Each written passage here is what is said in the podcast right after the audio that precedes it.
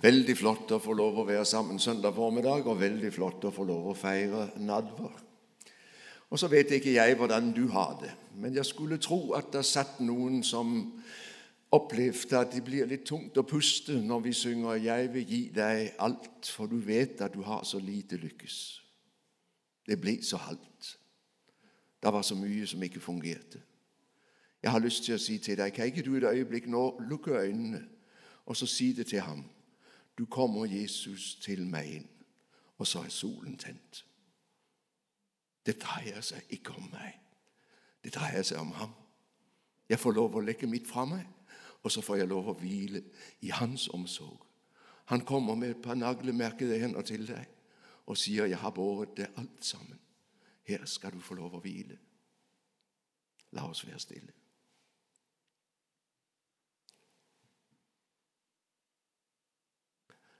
Herre Jesus, takk fordi det ikke bare er noe vi synger, men takk fordi ordet sier det. Du kommer. Du kommer til hver enkelt av oss. Og så kjenner du alle hjerter og alle tanker. Og så vet du hvordan den enkelte har det som sitter på huset i dag. Å Gud, kom med din trøst, med din oppreisende nåde, og hjelp oss til å se det. Det handler ikke om oss, det handler om deg. Takk, Herre at du har båret hele min skyld, all min synd. Takk at jeg i deg skal få lov å eie en fullkommen rettferdighet og vite at jeg får være Guds barn av nåde. Herre, vi er så mange som er mislykket, som ikke fikk det til.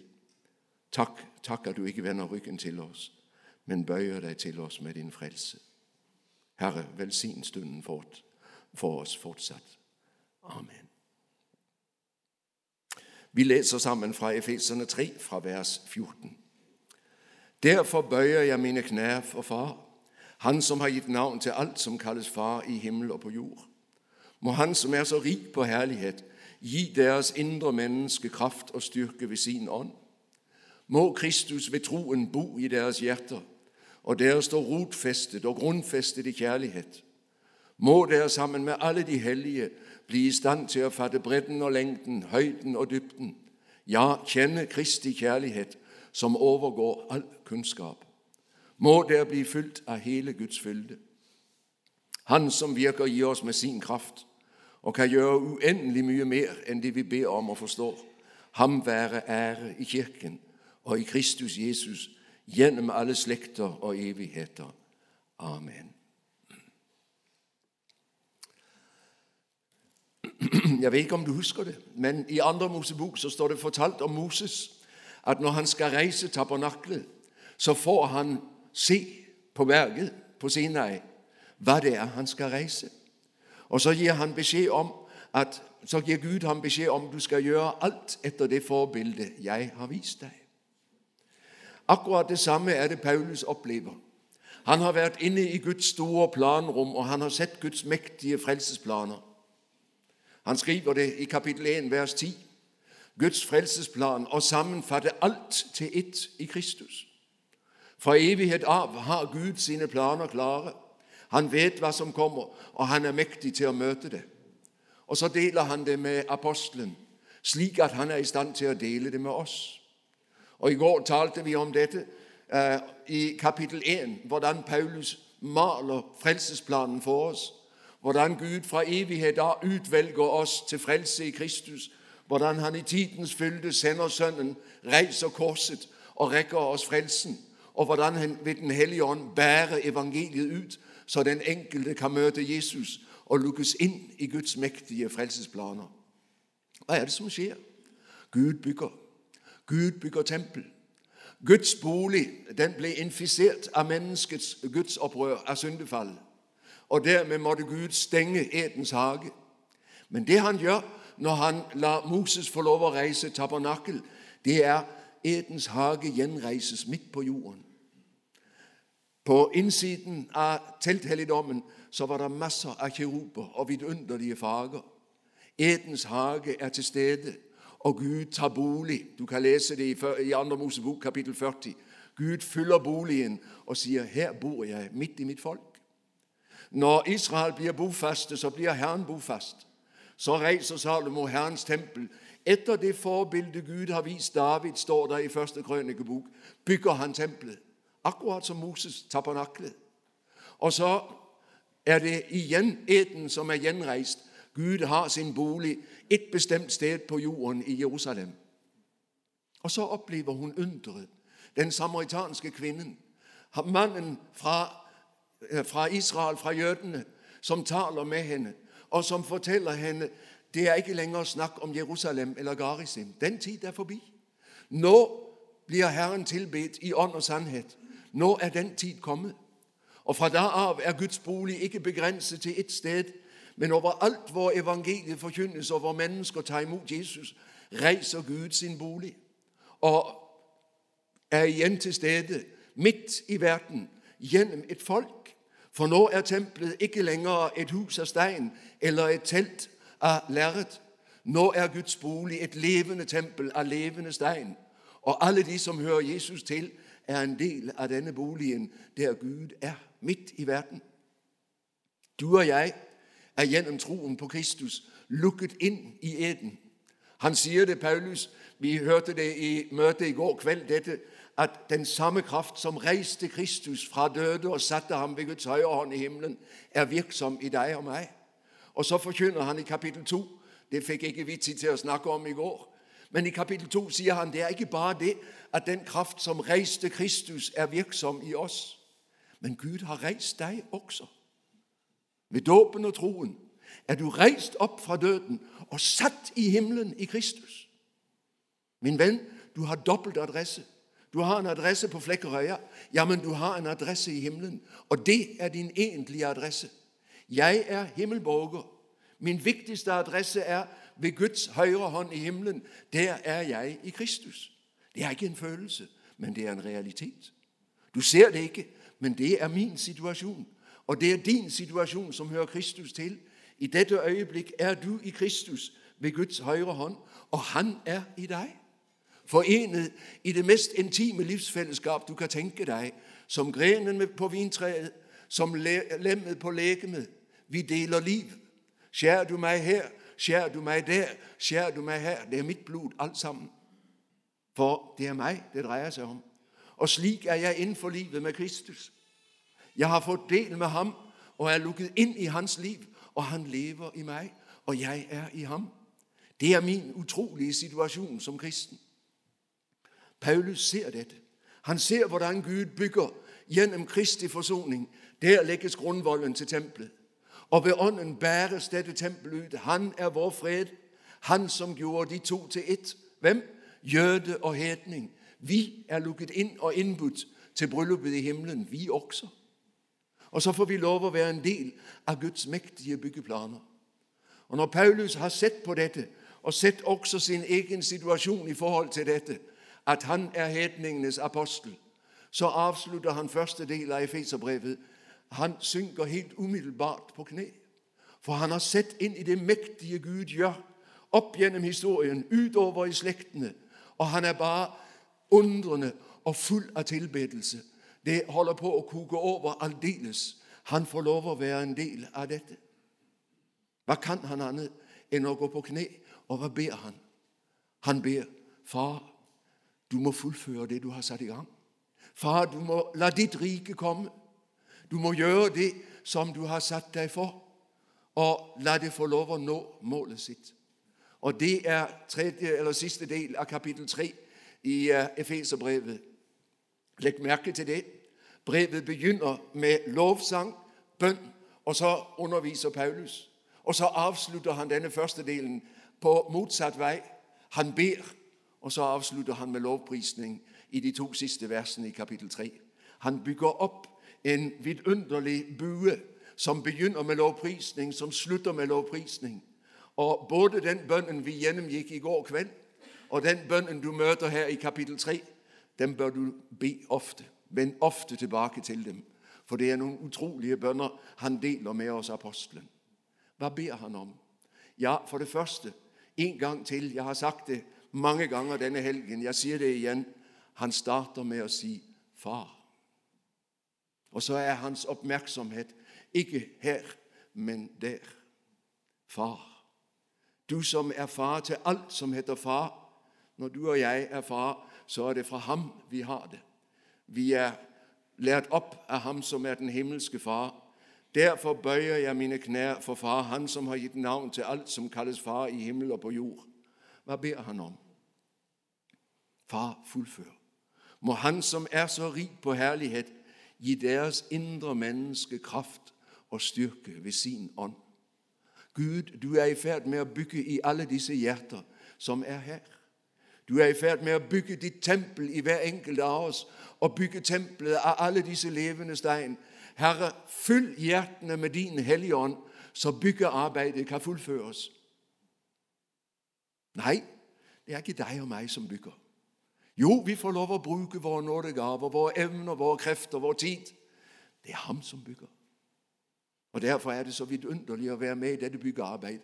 For det henger ikke på mine krefter, på min energi, på min måte å be på, på min evne til å be inderlig. Det henger på ham.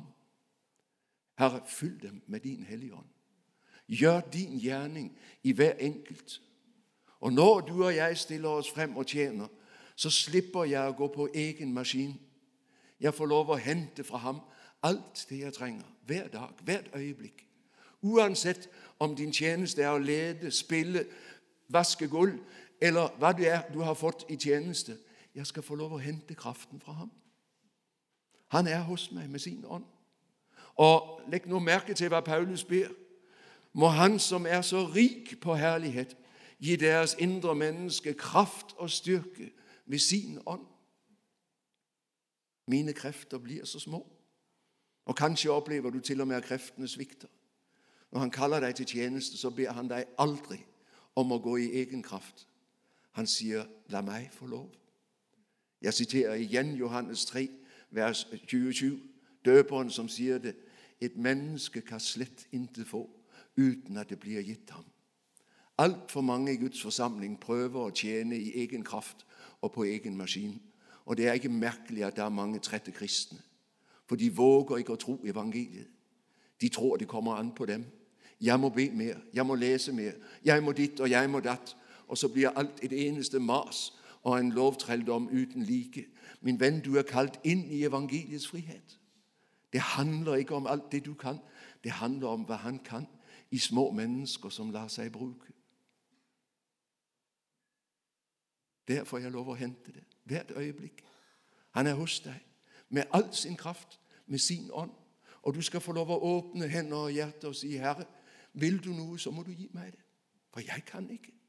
Og Herren sier, 'Jeg vil, og jeg gir deg.' Gå i denne din kraft. Jeg går med deg. Jeg er din styrke.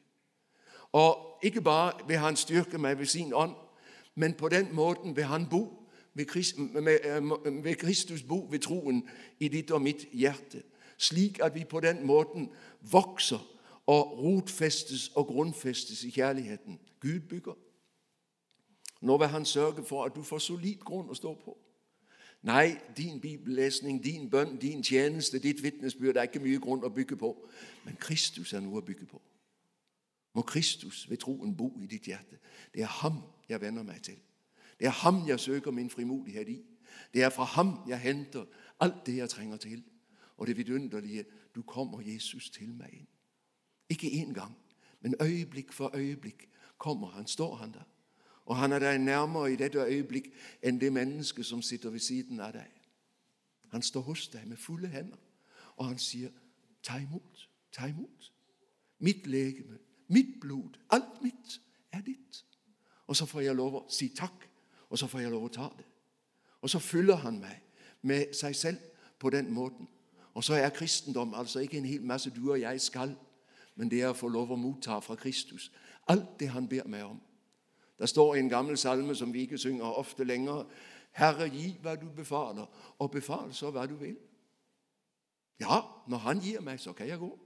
Men gir han meg ikke, så får jeg holde meg hjemme. Så har jeg ikke noe å gå med. Det vet jeg med hele min tjeneste. Den avhenger av at han gir. For hvis jeg skulle løpe rundt med det jeg har, det var ikke mye å samle på. det kan jeg love deg. Men jeg får lov å gå med det han gir meg. Og det skal du få lov til i din hverdag. Det handler ikke om predikanter. Dette, dette handler om hvert enkelt Guds barn. Når morgenen kommer, skal du våge å si det til ham. Herre, du ser dagen. Du vet hvilke utfordringer jeg har i dag. Herre, nå må du gi meg. Du må gi meg tankene, du må gi meg ordene. Du må ikke minst gi meg motet. For det er en som hele tiden prøver å ta mitt mot og køre meg ned og fortelle meg hvor elendig jeg er, og hvor uverdig jeg er, og hvor dårlig jeg er, og jeg er ikke noe å samle på. Og så sitter det altfor mange nedtrykte kristne som er så klar over at de ikke er noe. Min venn, løft blikket. Hver gang den stemmen kommer som sier til deg hva du ikke er, så husk hvor den kommer fra. Det er han som ønsker å ødelegge deg. Det er han som ønsker å kjøre deg ned, så du blir ubrukelig i Guds rike fordi han får tatt fra deg frimodigheten. Hent frimodigheten der den er å få, ikke i deg selv, men i Kristus. Han vil bo hos deg med all sin nåde. Så du rotfestet og grunnfestet. Det handler om å ha røttene plantet i nåden, i evangeliet. Å få lov å hente fra Gud. Jeg er så takknemlig for det vidunderlige syn profeten har i Esekiel 47. Når han har sett hele det nye tempel som Gud skal gi Israel istedenfor det som ble ødelagt, så ender han foran inngangen på østsiden til tempelet, og så ser han det. Ut fra tempelet kommer det en liten, liten strøm. En liten kilde. Inne fra det aller helligste springer Gudskilden. Og i løpet av et øyeblikk er den blitt til en flommende elv. For Gud gir ikke smått, han gir ikke så vidt, men han gir grenseløst. Siste søndag var teksten i gudstjenesten om bryllupet i Kana. Jeg er så glad i den teksten, og jeg syns den gir meg et så vidunderlig bilde av Gud. Når, Gud. når, Jesus gjør vann til vin, så er det ikke en liten flaske eller et glass. 600-700 liter. Han kan starte butikk i morgen. Han kan leve av den vinen. Det er grenseløst. Og det er et herlig bilde på hvordan min himmelske far er. Han gir ikke puslete. Han gir uendelig. Og du og jeg skal bare få lov å drikke og hente alt det vi trenger til. Min venn, flytt oppmerksomheten bort fra deg og fest den på Far og fest den på Jesus. Han er rik nok for alle som kaller på ham, også for deg. Og der skal du få lov å hente din kraft. Og så ber Paulus om at du ikke bare må bli styrket, og at du må være rotfestet i Kristus og grunnfestet i ham, men han ber om at du sammen med alle de hellige må bli i stand til å fatte bredden og lengden, høyden og dybden. Hva tenker han på? Han har vært inne og sett det tempel Gud bygger med evigheten som horisont, av levende stein. Og nå ber han om at menigheten må se det. Ikke bare seg selv, men alle disse som sitter her, alle de som sitter der borte, alle de som sitter verden over, og som i dette øyeblikk tilber Kristus. Du og jeg er en del av noe enormt som heter Guds menighet og Guds folk. Og dimensjonene på det går opp gjennom fra Golgata og frem til Herrens gjenkomst. Og utover i alle generasjoner og alle slekter. Og mens du og jeg sitter sammen her, så blir folk frelst i Iran. Så blir folk frelst i Kina. Så blir folk frelst i Afrika. Og Gud legger nye stein til, og bygget blir større og større. Dimensjonene blir uendelige på dette gudstempel, og jeg er en del av det. Men hva sier dette enorme tempel? Det sier meg så ufattelig stor er Guds kjærlighet. For det er den kjærligheten som reiser dette byggverket. Du og jeg er lukket inn i en kjærlighetsstrøm som er aldeles ufattelig. Og der sier Paulus ikke at du må forstå, men at du må kjenne Kristi kjærlighet, som overgår all kunnskap. Jeg har hatt den fantastiske livsopplevelse å møte et menneske, og det sa pang. Og heldigvis sa det pang hos begge to samtidig. Og så har jeg fått lov å dele et liv med henne og oppleve at kjærligheten, den levde hele veien. Det kan ikke fattes. Men jeg vet hva jeg har opplevd. Jeg har kjent kjærligheten. Jeg forstår den ikke, men jeg vet hva det er, for jeg har møtt den. Slik møter Gud deg med en kjærlighet som er uendelig. Du er elsket, min venn, og kjærligheten omgir deg på alle kanter. Han gir deg nåde i forhold til sin kjærlighet. Du står midt i nådens vidunderlige rom. Den er under deg, den er over deg, den er foran deg, den er bak deg, den er på begge sider av deg. Omgitt av en nådestrøm som er uendelig. Og du skal få lov å senke deg ned i den og vite jeg er elsket. Jeg er dyrebar. Nei, jeg skjønner det ikke. Jeg skjønner ikke at jeg er noe å elske. Jeg skjønner ikke at jeg er noe å samle på. Men Gud sier, 'Du er det dyreste jeg har.' Jeg elsker deg grenseløst, og jeg har ikke råd til å miste deg. Jeg må ha deg med inn i min evige herlighet for å dele fellesskap med deg i all evighet. Ja, men er jeg interessant, da? Er ikke jeg et heller grått menneske? Et lite ingenting? Nei, sier Herren. I mine øyne er du uendelig verdifull. Du er så verdifull at jeg lengter etter fellesskap med deg. Han hadde oppdaget det apostelen. Han sier det i 1. Korinterbrev 15,10. Jeg er så takknemlig for det verset. Av Guds nåde er jeg det jeg er, og Hans nåde mot meg har ikke vært forgjeves. Han har en sunn kristen selvbevissthet. Han vet at han er noe, men legg merke til hva han er av Guds nåde. Nei, det er ikke meg, det er ham. Han har tilkjent meg verdi. Han har skjenket meg en oppreist posisjon i sitt rike. Han har kalt meg inn for sitt ansikt og sagt, 'Du er verdifull. Du er dyrebar.' Lille jeg. Lille deg. Og jeg har lyst til å si det til dere alle sammen, men særlig til alle dere jenter som har så lett for å tenke det er min skyld, og jeg er ikke verdt noe, og jeg er dårlig. Herren ser på deg med kjærlighet, og han sier, 'I mine øyne er du uendelig verdifull.' 'Jeg kan ikke tenke meg himmelen uten deg.' Ta det til deg. Ikke la den negative tonen få lov å ta deg, men våg å tro det. Du er verdifull i Guds øyne. Si det til deg selv når du ser deg selv i morgen i speilet, for sovet og trøtt. Av Guds nåde er jeg det jeg er. Jeg er noe. Det er ikke min ære, det er hans. Men Gud tenker stort om deg. Og så er du en del av et utrolig fellesskap der denne nåden utfolder seg, og der jeg kjenner Kristi kjærlighet. Og det er denne kjærligheten når sitt mål. Herren kommer igjen, og jeg så en ny himmel og en ny jord og det nye Jerusalem. Og du og jeg er en del av det. Og vi er i Herrens nærhet. Og vi skal aldri mer bort fra Hans ansikt. Og når vi ser ned over oss selv, er vi blitt ham like, for vi ser ham som han er. Ufattelige under og ufattelige øyeblikk. Tempelet er ferdig. Hva skjer da?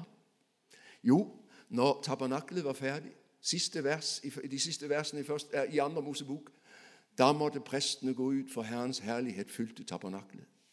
Første kongebok åtte. Tempelet er ferdig. Da måtte prestene gå ut, for Herrens herlighet fylte tempelet. Akkurat det samme igjen i andre krønikebok, i kapittel 6, når tempelet er ferdig. Da måtte prestene gå ut, for Herrens herlighet fylte tempelet. Og i kapittel 43 hos profeten Esekiel, når det nye tempelet er reist, kom Herrens herlighet og fylte tempelet. Og pinsedag var de alle samlet med hverandre, og plutselig kom lyden av et fremfarende veldig vær og tunger som av ild satte seg på dem alle sammen. Hva skjedde? Herren tok sin bolig i besittelse. Om et øyeblikk så er vi der. Og så kommer Herren og fyller tempelet med sin herlighet. Og du og jeg får lov til bare å stå undrende og tilbedende og se det var sant, alt det han sa. Det skjedde som han hadde, som han hadde lovet oss. Det er en virkelighet. Enda er vi underveis. Må vi slåss litt til mot djevelen og i Kristi kraft stå ham imot. Men om et øyeblikk så er vi der. Så går vi over grensen. Og så kommer han igjen og gjør alt nytt. Du og jeg har noe ufattelig foran oss. Og Paulus sier, 'Herre, fullfør. Herre, gjør det ferdig.' Ja, men hva Gud får dette gjort ferdig? Er det ikke altfor mye motstand?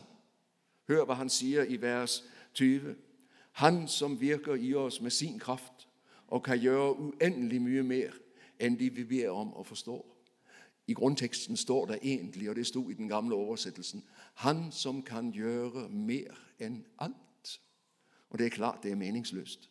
For du kan ikke gjøre mer enn alt. Når alt er gjort, er det jo ikke mer å gjøre.